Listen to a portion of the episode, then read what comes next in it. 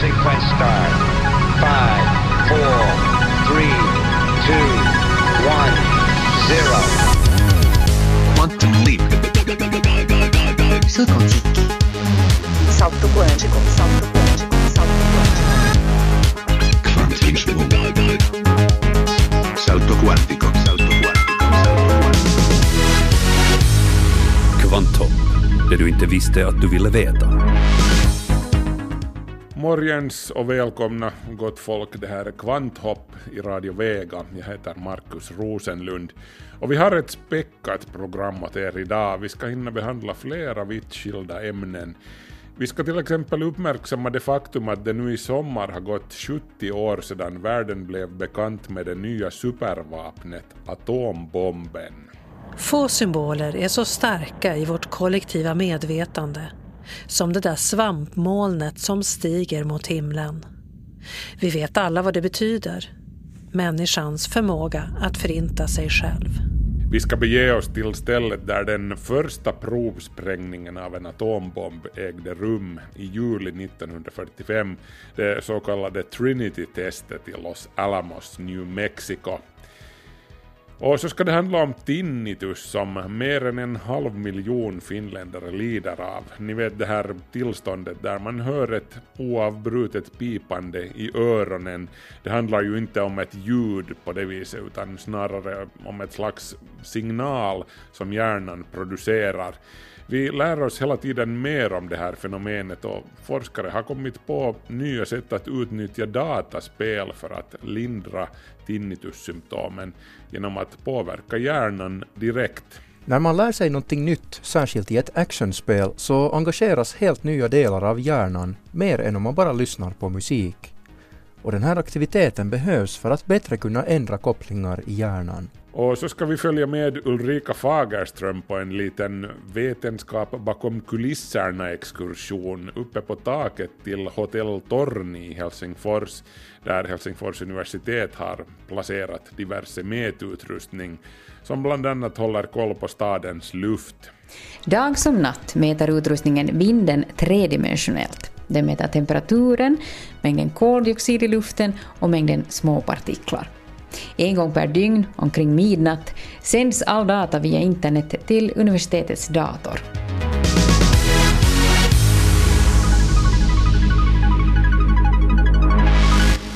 Och nu blir det notiser.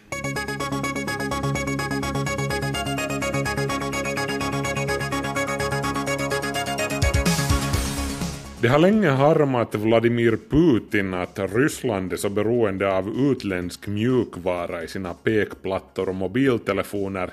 Därför ska man nu utveckla ett eget operativsystem och då tar man till finländsk hjälp, skriver tv.fi.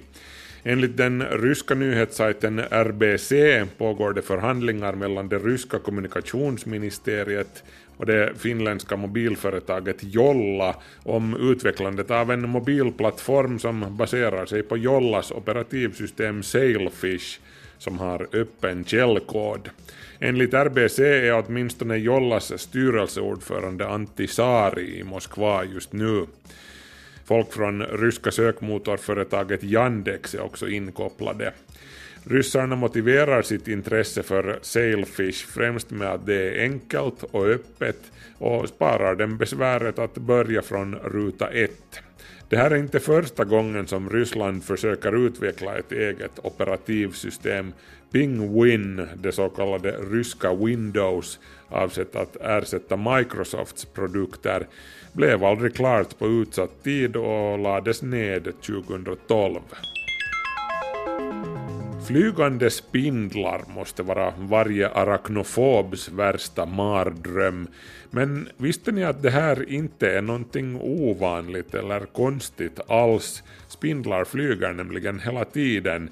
Eh, vissa spindelarter kan flyga hundratals kilometer. De gör det genom att klättra upp på en hög plats varpå de släpper ut en lång spindeltråd som vinden tar tag i och så bär det av upp i skyn med tråd och spindel och allt. Man tror att spindlar har koloniserat öar långt ute i havet på det här sättet. Nyligen fick invånarna i den australiensiska Tablelands-regionen i New South Wales sitt livs chock då det började regna spindlar från skyn. Bokstavligen miljontals små spindlar föll ner och täckte hus och gator med fint spindelsilke. Det här är någonting som spindlar gör normalt om höstarna i Australien, men det är ovanligt att så här många spindlar flyger iväg på en och samma gång och att de dessutom landar mer eller mindre på samma ställe. En stor del av alla stjärnor är binära, det vill säga de uppträder i par, två stjärnor som är bundna till varandra av gravitationen, och två solar kan till och med ha gemensamma planeter som kretsar kring bägge stjärnor. Men nu har den amerikanska forskaren Eugene Oakes från Auburn University räknat ut att det kan finnas fall där en planet kretsar fram och tillbaka mellan solarna i en komplicerad korkskruvsformad bana. Det är lättast att föreställa sig det här om man tänker sig ett streck mellan de två solarna. Planeten skulle alltså kretsa kring det här strecket i en korkskruvsbana fram och tillbaka från den ena solen till den andra årstiderna på en sån här planet skulle vara synnerligen besvärliga att hålla koll på och det skulle egentligen aldrig vara natt på någondera sidan av planeten.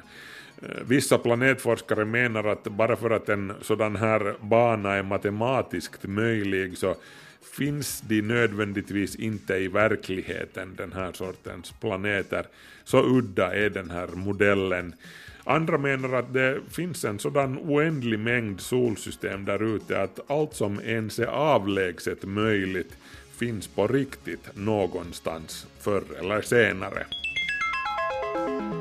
Var det våra förfäder som hämtade spetälskan till England? Nya DNA-undersökningar av ett 1500 år gammalt skelett upphittat i Essex i England på 1950-talet tyder på att den leprasjuka mannen som benen tillhörde är av skandinaviskt ursprung. Han levde uppskattningsvis på 400 eller 500-talet efter vår tideräknings begynnelse. DNA och isotopanalyser av skelettet placerar hans ursprung i södra Skandinavien, sannolikt i Danmark. Skelettet bär tydliga spår av lepra med skador på lederna och anfrätta och avsmalnande tåben.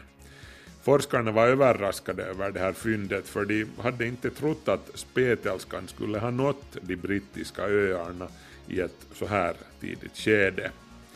Det här fyndet bekräftar också att det lönar sig att undersöka gamla benfynd som gjordes innan den moderna DNA-tekniken utvecklades. Våra museer kryllar av sådana här ben och med modern teknik kan de avslöja mycket sådant som ingen hade kunnat ana.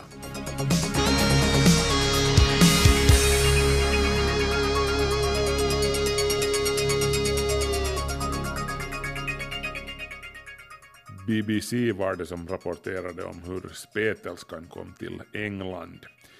Och nu ska det handla om tinnitus, ni vet det här irriterande pipandet som många hör trots att det är tyst i rummet. Eh, tinnitusbesvär har kopplingar till flera olika delar av hjärnan enligt ny amerikansk forskning. Det här motsäger den tidigare uppfattningen om att tinnitus bara skulle orsakas av de delar som har med hörseln att göra. Insikten är både goda och dåliga nyheter. Mer än en halv miljon finländare lider av kronisk tinnitus, alltså att de hör något fastän det egentligen är tyst. Cirka 50 000 av dem har en så svår variant att deras dagliga liv och livskvalitet avsevärt försämras. Tinnitus är ett latinskt låneord som betyder ringande och ofta beskrivs ljudet som en ton eller ett sus. Tillståndet saknar botemedel i dagens läge men ibland går det om av sig själv. I många fall börjar tinnitus med nedsatt hörsel till följd av att personen har utsatts för en för hög ljudnivå, till exempel på en konsert. Då skadas innerörats hårceller som omvandlar ljudvågor till nervsignaler. Hjärnan kompenserar för det här genom att öka viss slags aktivitet, till exempel genom att skapa en illusion av ett ljud som ingen annan kan höra. Ny forskning vid Iowa-universitet i USA publicerad i tidskriften Current Biology visar att tinnitusbesvär är mycket mer komplicerade än vad man hittills har trott. Tidigare har det funnits vissa indikationer på det här men nu har det kommit mer övertygande bevis. En av forskarna, Philip Gander, berättar att ett stort antal områden i hjärnan verkar orsaka tillståndet. not only just hearing, but also related to memory and emotion and attention. Det gäller inte bara de delar av hjärnan som är kopplade till hörsel, utan också delar som har med minne, känsla och uppmärksamhet att göra, berättar Gander. Forskarna kom fram till det här genom att studera en 50-årig epileptisk mans hjärnvågor med hjälp av 164 elektroder de placerade på hans hjärna efter att först ha öppnat upp skallen. Under experimentet använde de starka ljud för att tillfälligt minska på patientens tinnitus. Sen följde de med hjärnvågorna både när hans tinnitus var aktiv och när den inte var det och kunde på det sättet komma fram till vilka hjärnvågor som hade med tinnitusbesvären att göra. Resultatet innebär att det kan bli svårare än vad man tidigare har trott att kunna bota tinnitus. I don't think it's all bad news. What we would like to argue is that what we've shown are targets for people to look at for treatment. Det är inte bara dåliga nyheter. När det gäller framtida behandlingar är det också positivt att vi nu vet vilka delar av hjärnan som orsakar tinnitus, säger Gander. Den ansedda hjärnforskaren Daniel Polly vid Massachusetts Eye and Ear Infirmary är också optimistisk. Han hoppas för sin del att ljudterapi ska hjälpa, antingen särskilt utvecklade dataspel eller skräddarsydd musik.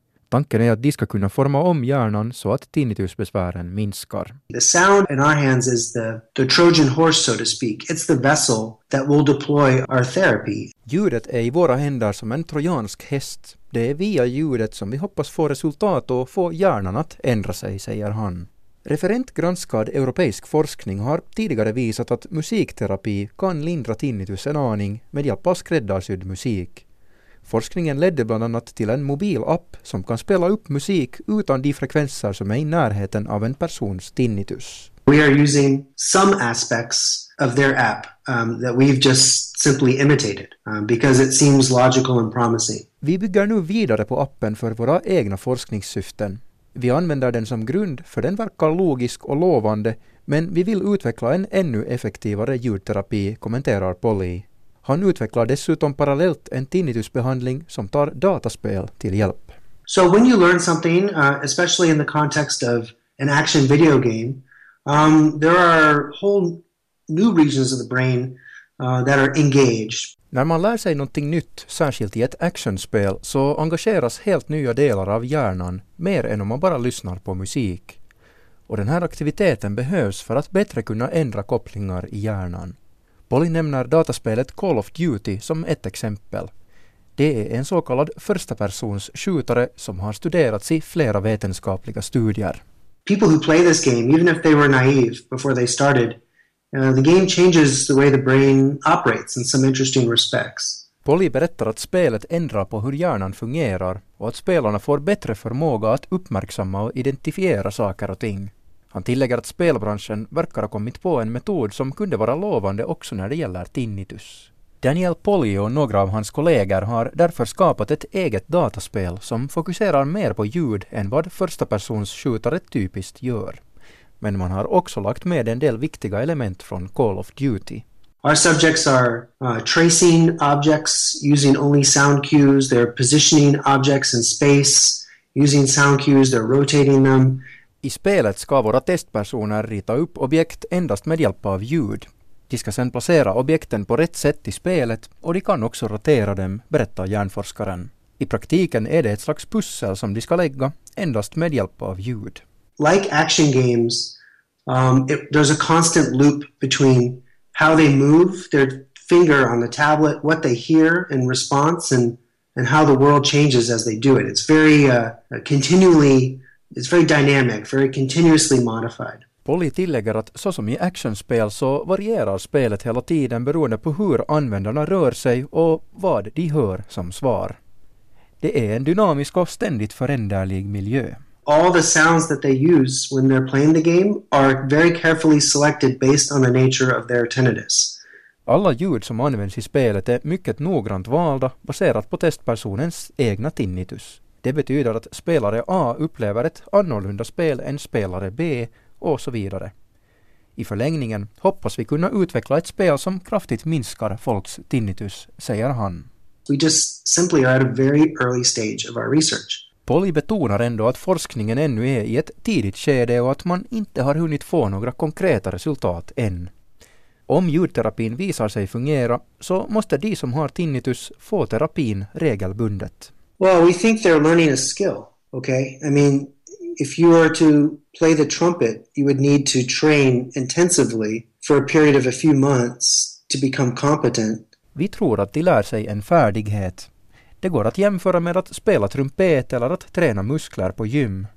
Om man vill bli bra på det så måste man öva intensivt i flera månader och sen måste man öva minst ett par gånger i veckan för att färdigheten inte ska falla i glömska, säger hjärnforskaren Daniel Polly. Reporter i det inslaget var Niklas Fagerström. Kvanthopp, det du inte visste att du ville veta.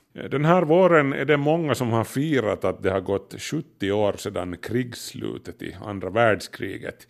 Men freden 1945 innebar inte bara slutet på Hitlers skräckvälde den innebar också början på en annan gruvlig era. 1945 var året då världen blev medveten om den dödsbringande potentialen i det nya supervapnet atombomben. Invånarna i Hiroshima och Nagasaki i Japan blev de första och hittills enda som fick smaka på den dödliga frukten från ett forskningsprojekt som hade pågått under nästan hela andra världskriget. Manhattan-projektet hette det och det samlade den tidens skarpaste fysikerhjärnor för ett enda syfte att bygga en atombomb innan tyskarna gör det. Och det var precis vad Robert Oppenheimer och hans team gjorde Fast Nazityskland besegrades ju innan det här skedde med konventionella vapen. Men den 6 augusti 1945 fällde USA bomberna Fat Man och Little Boy över Japan istället. Men explosionen över Hiroshima var inte den första detonationen av en atombomb. Det skedde några veckor tidigare på amerikansk mark. Dit ska vi nu bege oss tillsammans med Sveriges Radios Ulrika Björksten. Det hände den 16 juli 1945, långt ute i New Mexicos öken. Mänsklighetens villkor ändrades för alltid. Den första atombomben hade exploderat. Få symboler är så starka i vårt kollektiva medvetande som det där svampmolnet som stiger mot himlen. Vi vet alla vad det betyder. Människans förmåga att förinta sig själv.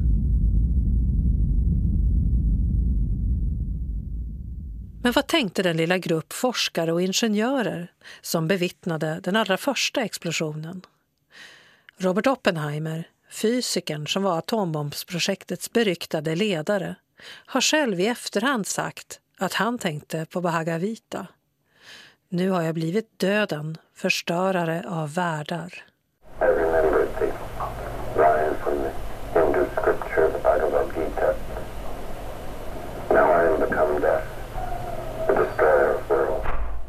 Några skrattade, några grät. Så sa Oppenheimer om de kollegor som var med vid den första atombombsexplosionen, det så kallade Trinity-testet.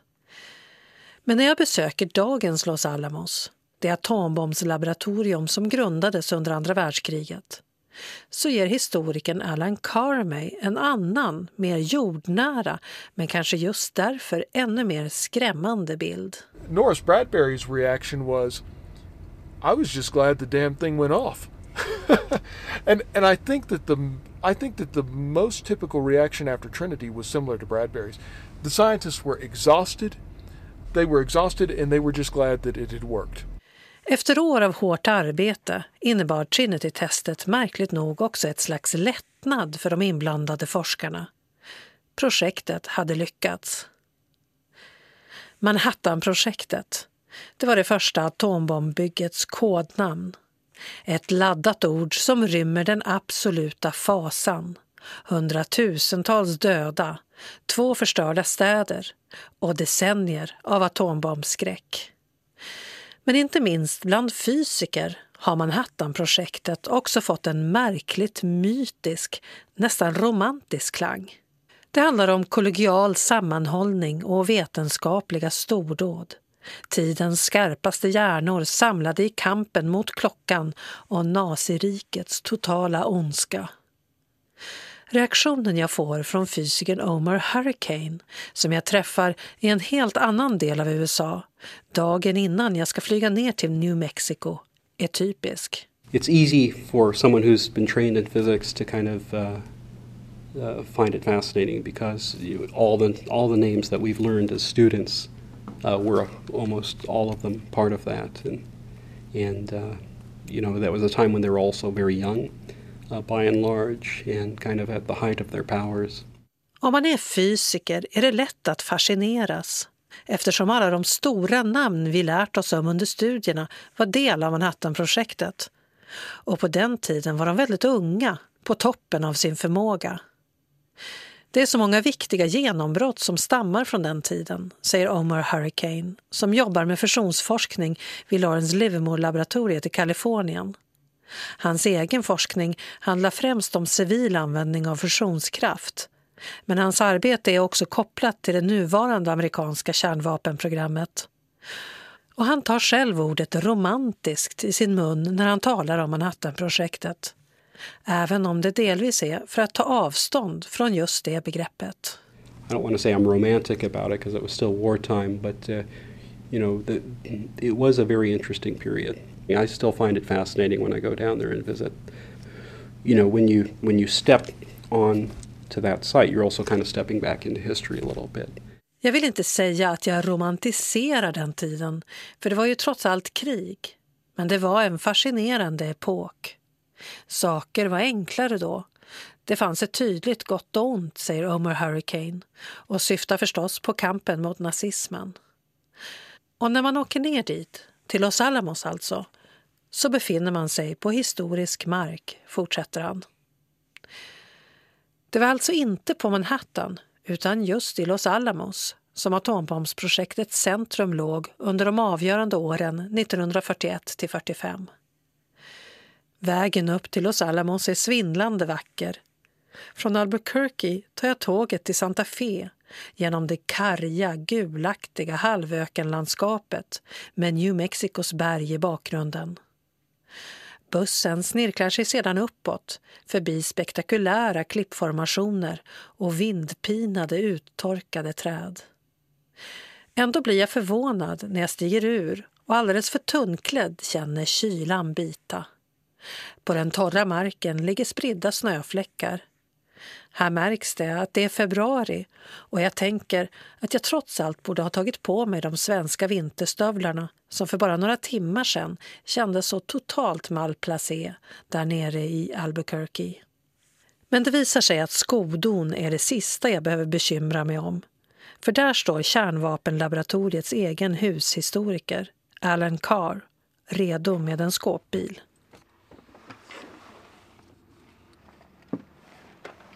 I'm in the, uh, I work in the laboratory archives, which is part of the records management program. So we have a records moving van. Alan Carr säger lite ursäktande att skåpbilen normalt används för att flytta runt laboratoriets arkivmaterial och kanske inte är så bekväm. Jag har bett att få se alla de historiska ställena och Los Alamos-laboratoriet är inte precis något man vandrar runt i. Det är utspritt över ett gigantiskt område i det bergiga landskapet. Now, right now, this is right in the middle of downtown Los Alamos, and this is where the wartime laboratory was. And so the building over to your right is Fuller Lodge. Vi åker förbi platsen där det första laboratoriet låg och den berömda samlingslokalen Fuller Lodge där fysikpionjärerna och deras fruar åt gemensamma måltider och inte minst ordnade en annan fest under krigsåren. We call it an atomic boomtown because it was basically built overnight uh, to build the atomic bombs. Alan Carr är en både tillmötesgående och kunnig guide. Men under rundturen infinner sig snart en lätt surrealistisk känsla. There are big pools in there, uh, Olympic swimming pools, things like that. You picked a nice day to, to come visit us. Här åker vi runt och tittar på resterna av det första atombombsprogrammet. Solen skiner, bergen är vackra. Vi pratar småstadsliv, fysik och historisk arbetsglädje. Gång på gång måste jag påminna mig själv om att vi talar om ett forskningsprogram vars resultat för 70 år sedan orsakade hundratusentals människors död. Men så mitt i solskenet tränger det sig på. Now, you see this uh, complex of uh, white buildings over here. I think that one of them is this old Quonset hut. And uh, we call it the Fat Man building today. Now, Fat Man, of course, was the second weapon that was used in combat against the city of uh, Nagasaki. A major portion of Fat Man was assembled in this building, which is right over there. Så här kan vi se skymta genom trädtopparna byggnaden där Fat Man-bomben som senare släpptes över Nagasaki sattes samman. Det känns nästan obegripligt att inse att, att vi står och tittar ner på den byggnaden här genom de vackra trädstammarna, genom den vackra skogen. All right. Well, let's go back to the car and we'll keep going up the hill. Fatman och Little Boy var fysikernas smeknamn på bomberna som skulle släppas över de japanska städerna. Namnen syftar på projektets militära ledare General Groves och den spinkige Robert Oppenheimer som var vetenskaplig ledare i Los Alamos. Kasten i samtalsämnen är sannerligen snabba under denna rundtur i Manhattan-projektets spår. Nästa stopp är Los Alamos egen skidbacke. Också den här gången har Alan Carr en historia att berätta. Skidåkning hör till de allra äldsta traditionerna här, säger han. It's been a, a, tradition. Skiing's been a tradition at Los Alamos from day one. This is uh, this is the second ski hill. The original ski hill that was used during World War II. Uh, it was created by George Kistiakowski. So George Kistiakowski was in charge of the explosives division. Den ryskfödde experten på explosiva ämnen bestämde sig helt sonika för att spränga bort träd nog på en av sluttningarna runt staden för att skapa en skidbacke. Vi vänder om och åker ner tillbaka mot själva staden. Och kanske känner Alan Carr att bilden av de skidande fysikerna blir lite missvisande. För han lägger till att det framför allt handlade om hårt arbete för de fysiker som levde i Los Alamos under andra världskriget. Utflykterna och festerna var trots allt undantag. The, the work itself uh, was very hard. They worked six days a week, long days, and so it, is romanticized in I think because a lot of people think of these pictures that they see where the scientists are having parties at Oppenheimer's house or it's things like that. Those were rare moments. Utmaningen som forskarna och ingenjörerna stod inför handlade bland annat om att få fram tillräckligt mycket klyvbart material för att bygga en bomb. Naturligt uran innehåller bara en liten del klyvbart material. Under många år arbetade man därför med att hitta sätt att anrika den klyvbara uranisotopen U-235 och så småningom också för att få fram plutonium som är ett ännu mer klyvbart grundämne. Sen handlade det om att hitta system att tända bomben, att föra samman klumpen av klyvbart material just i det ögonblick man ville starta den kedjereaktion av kärnklyvningar som resulterar i en atombombsexplosion. Vi är tillbaka nere i själva staden där vi började rundresan. Alan Carr pekar återigen på några av bostadshusen. Där, säger han, där har det bott många nobelpristagare. Two Nobel laureates have lived in that house. Hans Bethe and Edwin Macmillan uh, lived in that house for brief uh, stints. Nobelpristagarna, ja. De är en av anledningarna till Manhattanprojektets ikoniska status. Här passerade de alla revy under krigsåren. Dansken Niels Bohr, kvantfysikens fader och något av en verklig fadersfigur för många av de yngre kollegorna. En ung Richard Feynman som senare kom att bli en av ett litet antal amerikanska fysiker som tävlat om epitetet den största genom tiderna. Italienaren Enrico Fermi, ungraren Edward Teller, tysken Hans Bethe och så den enda kvinnan, Maria Göppert-Meyer. Listan på de redan då nobelprisbelönta och på de kommande nobelpristagare som jobbade med atombombsprojektet under kriget kan göras ännu längre. Många var europeer, flera mycket unga och nästan alla av dem flyktingar undan nazismen. Fission had been discovered in had been produced in Germany and interpreted as such. And so the primary mission was to make sure that uh, we built an atomic bomb before Hitler did. Kort före krigsutbrottet hade den tyske kemisten Otto Hahn och fysikern Lise Meitner tillsammans upptäckt kärnklyvningen, fissionen. Själva genombrottet skedde efter det att Lise Meitner, som var judinna, tvingats fly till Sverige. Och snart läckte resultaten ut. Den danske fysikern Niels Bohr hade i förtroende fått reda på resultaten via Meitners brorson som också var fysiker. Men Bohr kunde inte hålla tand för tunga och förde nyheten över Atlanten bara några veckor senare under en resa till USA i början av 1939. Initialt möttes nyheten av vantro bland amerikanska fysiker. Det här bröt ju mot allt man tidigare trott sig känna till om atomkärnan. Men snart insåg flera av dem de enorma implikationerna. Den gigantiska mängd energi som frigörs vid kärnklyvning skulle kunna användas för att skapa en bomb mångdubbelt kraftigare än någon tidigare.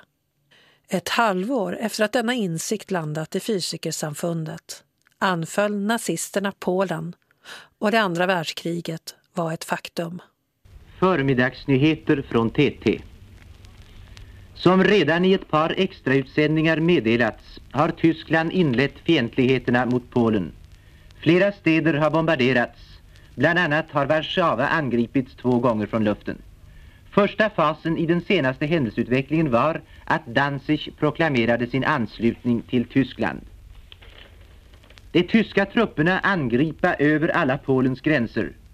Den polska armén går till motangrepp och har bland annat bombarderat Danzig.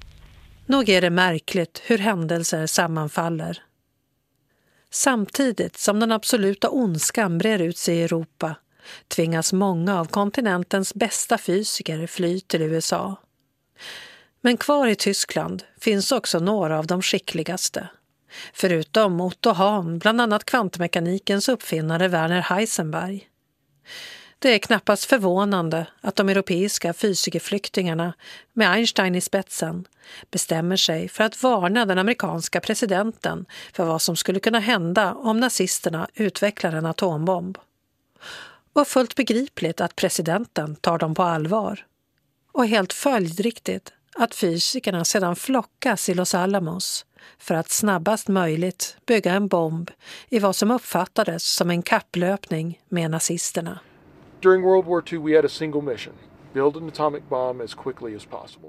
Men när bomberna släpptes över de japanska städerna Hiroshima och Nagasaki var det flera månader efter det europeiska krigsslutet och de allierade visste redan att tyskarna aldrig lyckats bygga någon atombomb. Ändå var det bara en enda av de inblandade fysikerna som hoppade av projektet redan då nazisterna slutgiltigt besegrats. Josef Rotblad, som sedermera blev antiatombombrörelsen Pugwash grundare. Edward Teller valde motsatt väg och blev den som utvecklade den första vätebomben. Någonstans däremellan befann sig Los Alamos-laboratoriet direkt efter krigsslutet. Under en tid hängande i luften medan vetenskapliga och politiska ledare funderade över kärnvapnens framtid. But still, even through the 60s, we were almost, you know, we were a nuclear weapons laboratory, but we did other nuclear science, not necessarily nuclear weapons, but we did nuclear science. Los Alamos blev alltså kvar som en viktig del i det amerikanska kärnvapenprogrammet.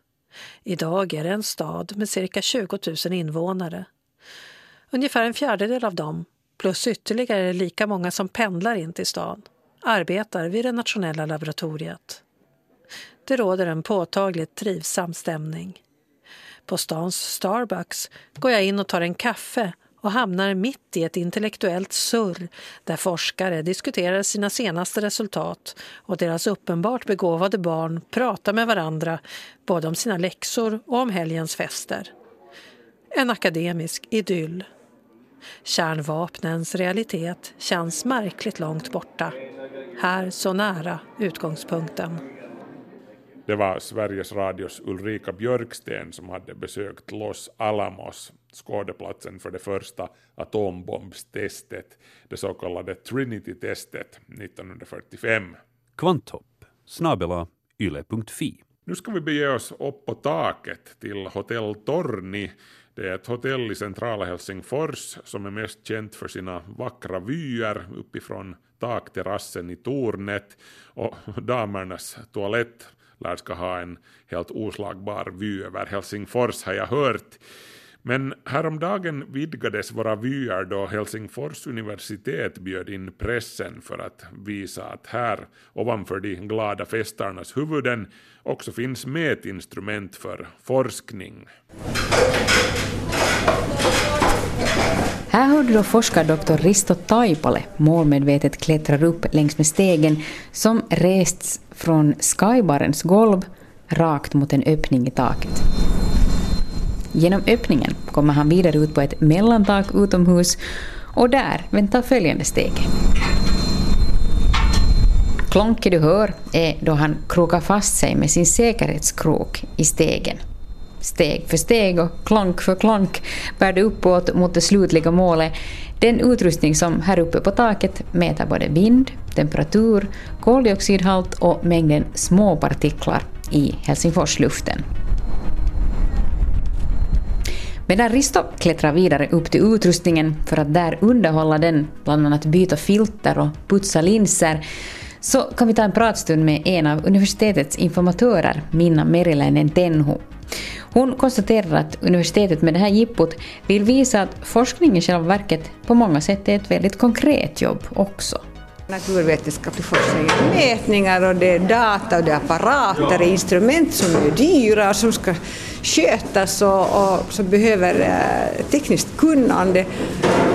Och det är trevligt och intressant att komma någonstans och se den här verkligheten, att det är inte bara laboratorier utan den här omgivningen, det är liksom ett laboratorium på sitt sätt.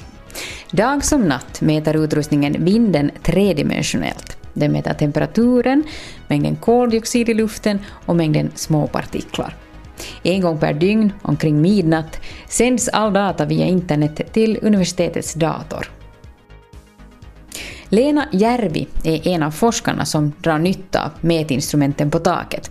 Hon forskar i hur stadsytan och luftlagren påverkar varandra. En information som behövs bland annat för att göra tillförlitliga väderrapporter. Mun tutkimukselle se pääasiallinen hyöty on se, että me pystytään ymmärtämään ne vuorovaikutukset, miten se pinta ja ilmakehä vuorovaikuttaa, koska niitä tarvitaan meteorologisiin malleihin kuvaamaan sitä pintaa. Jotta me saadaan sääennustukset ja muut oikein, niin meidän on pakko För Lena är det guld värt att få veta hur stadens liv påverkar luftens temperatur. För det gör den, mycket till och med. En motsvarande mätpunkt som den här på hotelltaket finns på universitetsområdet i Gumtäkt i Helsingfors. Och man kan se tydliga skillnader i luftens temperatur då man jämför de här två punkterna. Ute i Gumtäkt finns det grönområden som svalkar och här inne i stan finns det bilar, människor och till exempel inomhusvärme som rymmer ut, som värmer luften. Men vi människor, ja, vi värmer luften helt påtagligt, konstaterar Lena. Kun meitä tulee tarpeeksi paljon tarpeeksi yhteen paikkaan, niin kyllähän se toimii tällaisena niin lämpöemissiona. Eli hyvä esimerkkihän tässä on, jos ollaan vaikka kesällä festivaaleilla ja ihmisiä pakkautuu, niin siinä tulee lämmin, koska me huoutaan lämpöä niin kuin toisiimme. Ja periaatteessa kun me mitataan täällä meidän hotellitornin katolla esimerkiksi, niin osa siitä signaalista on ihmis, ihmisistä tulevaa. En del av temperaturen i Helsingfors centrum är helt klart människorelaterad, konstaterar forskare Lena Järvi. Riktigt hett blev det ur den synvinkeln då Lejonen vann ishockey-VM 2011. Niin meillä oli mittaukset pyörimässä silloin Ja äh, silloin keskiyöllä ne voitto, pelit loppu muistaakseni joskus 11 jälkeen ja sen jälkeen ihmiset lähti kaikki keskustaan, autoja paljon ja ihmisiä paljon. Niin me nähdään silloin keskiyön aikaan paljon suuria hiilidioksidipäästöjä ja vastaavasti myöskin lämmönpäästöissä nähdään niin kuin, tai lämmön emissioissa nähdään niin kuin kasvaneita lukuja, koska ihmismäärä kasvoi tällaisen tyypilliseen yömäärään verrattuna niin paljon. Segern firades med ärevarv i bilar och stora människomassor ute på gatorna och temperaturen i tornet steg. Ja, tornet är viktigt för Lena och hennes forskarkollegor på institutionen för fysik vid Helsingfors universitet. Utrustningen behöver nämligen vara tillräckligt högt uppe för att kunna mäta hur vinden beter sig, för det är en annan sak som intresserar dem. När vinden rullar in från havet mot en stad så möts den av byggnader i olika storlekar och skapar turbulens på ett annat sätt än i naturen. Och det här vill man titta närmare på. Koldioxidhalten är en annan sak som man här tittar på och forskar i. Man eh, försöker se hur mycket koldioxid som släpps ut i atmosfären. Den här mängden påverkas av hur mycket växtlighet det finns i närheten. Så här kan man jämföra med mätresultat från gumtäkt och också här syns människomängden. Mycket människor betyder mer koldioxid. Mätningarna på universitetsområdet i Gumtäkt har pågått sedan 2005 och här i Helsingfors centrum sedan 2010. Men vänta nu, hur gick det för Risto? Vi kan ju inte lämna honom där på taket.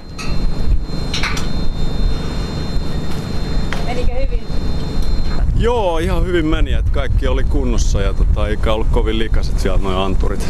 Ja kaikki oli edelleen siellä missä pitikin, että täällä aina tietysti tuulee niin paljon niin, ja paljon turbulenssia, niin kaikki tollaset asennukset ne heiluu kovasti ja sit kiinnikkeitä voi irrota, mutta nyt ne oli kaikki siellä kondiksessa. Jo, allt okej, konstaterar forskar Dr. Risto Taipale. Det är han som sen årsskiftet har haft i uppdrag att sköta underhållet på utrustningen. Nu hade inga delar fallit eller lossnat. Det kan ju hända, det är ju hårda vindar som viner här. Men allt okej, okay, såg det ut som just nu. Ny check sen senare i år igen. Takreporter här var Ulrika Fagerström. Och då är klockan så pass mycket att det har blivit dags för vår serie om grundämnena, det vill säga det periodiska systemet i tre minuters munsbitar. Universums innehållsförteckning. Kvanthopp presenterar en serie i 117 delar. Det som allt bygger på, eller våra grundämnen från BT till Unuoctium.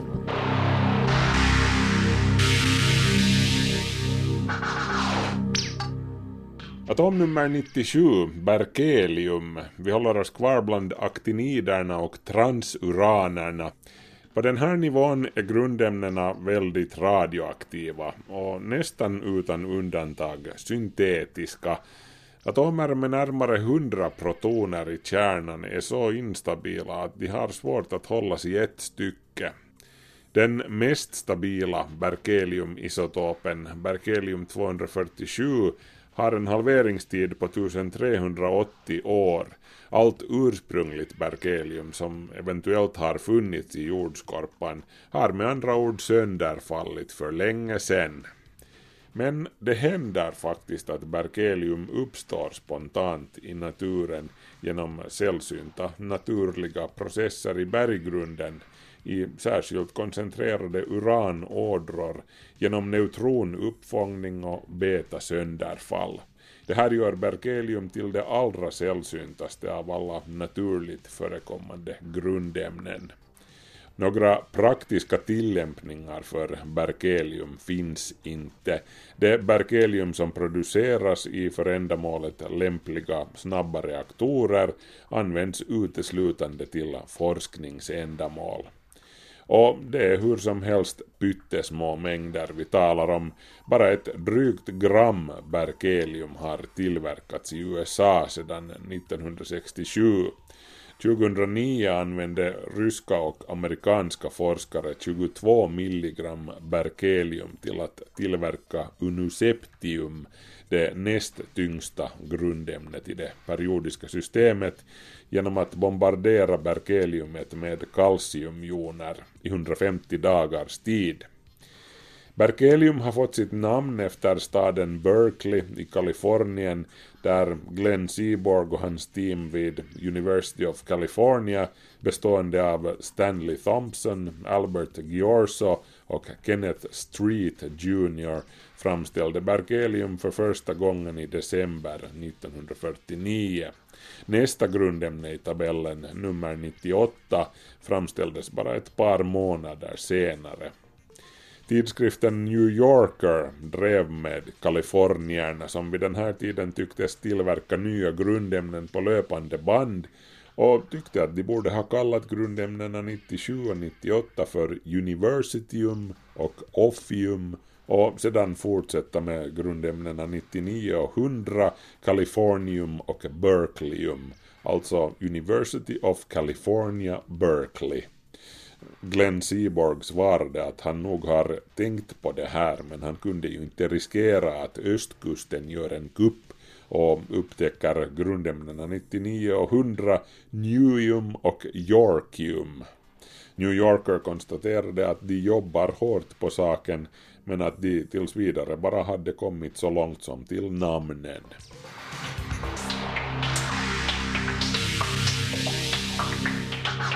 Du har hört del 97 i Kvanthopps serie om våra grundämnen. Nästa vecka Kalifornium.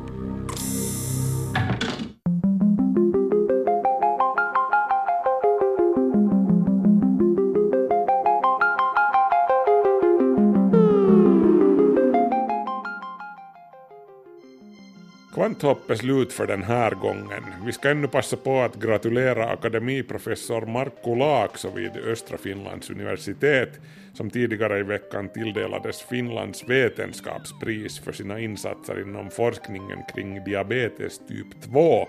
85 000 euro är prissumman. Kvanthopp gratulerar.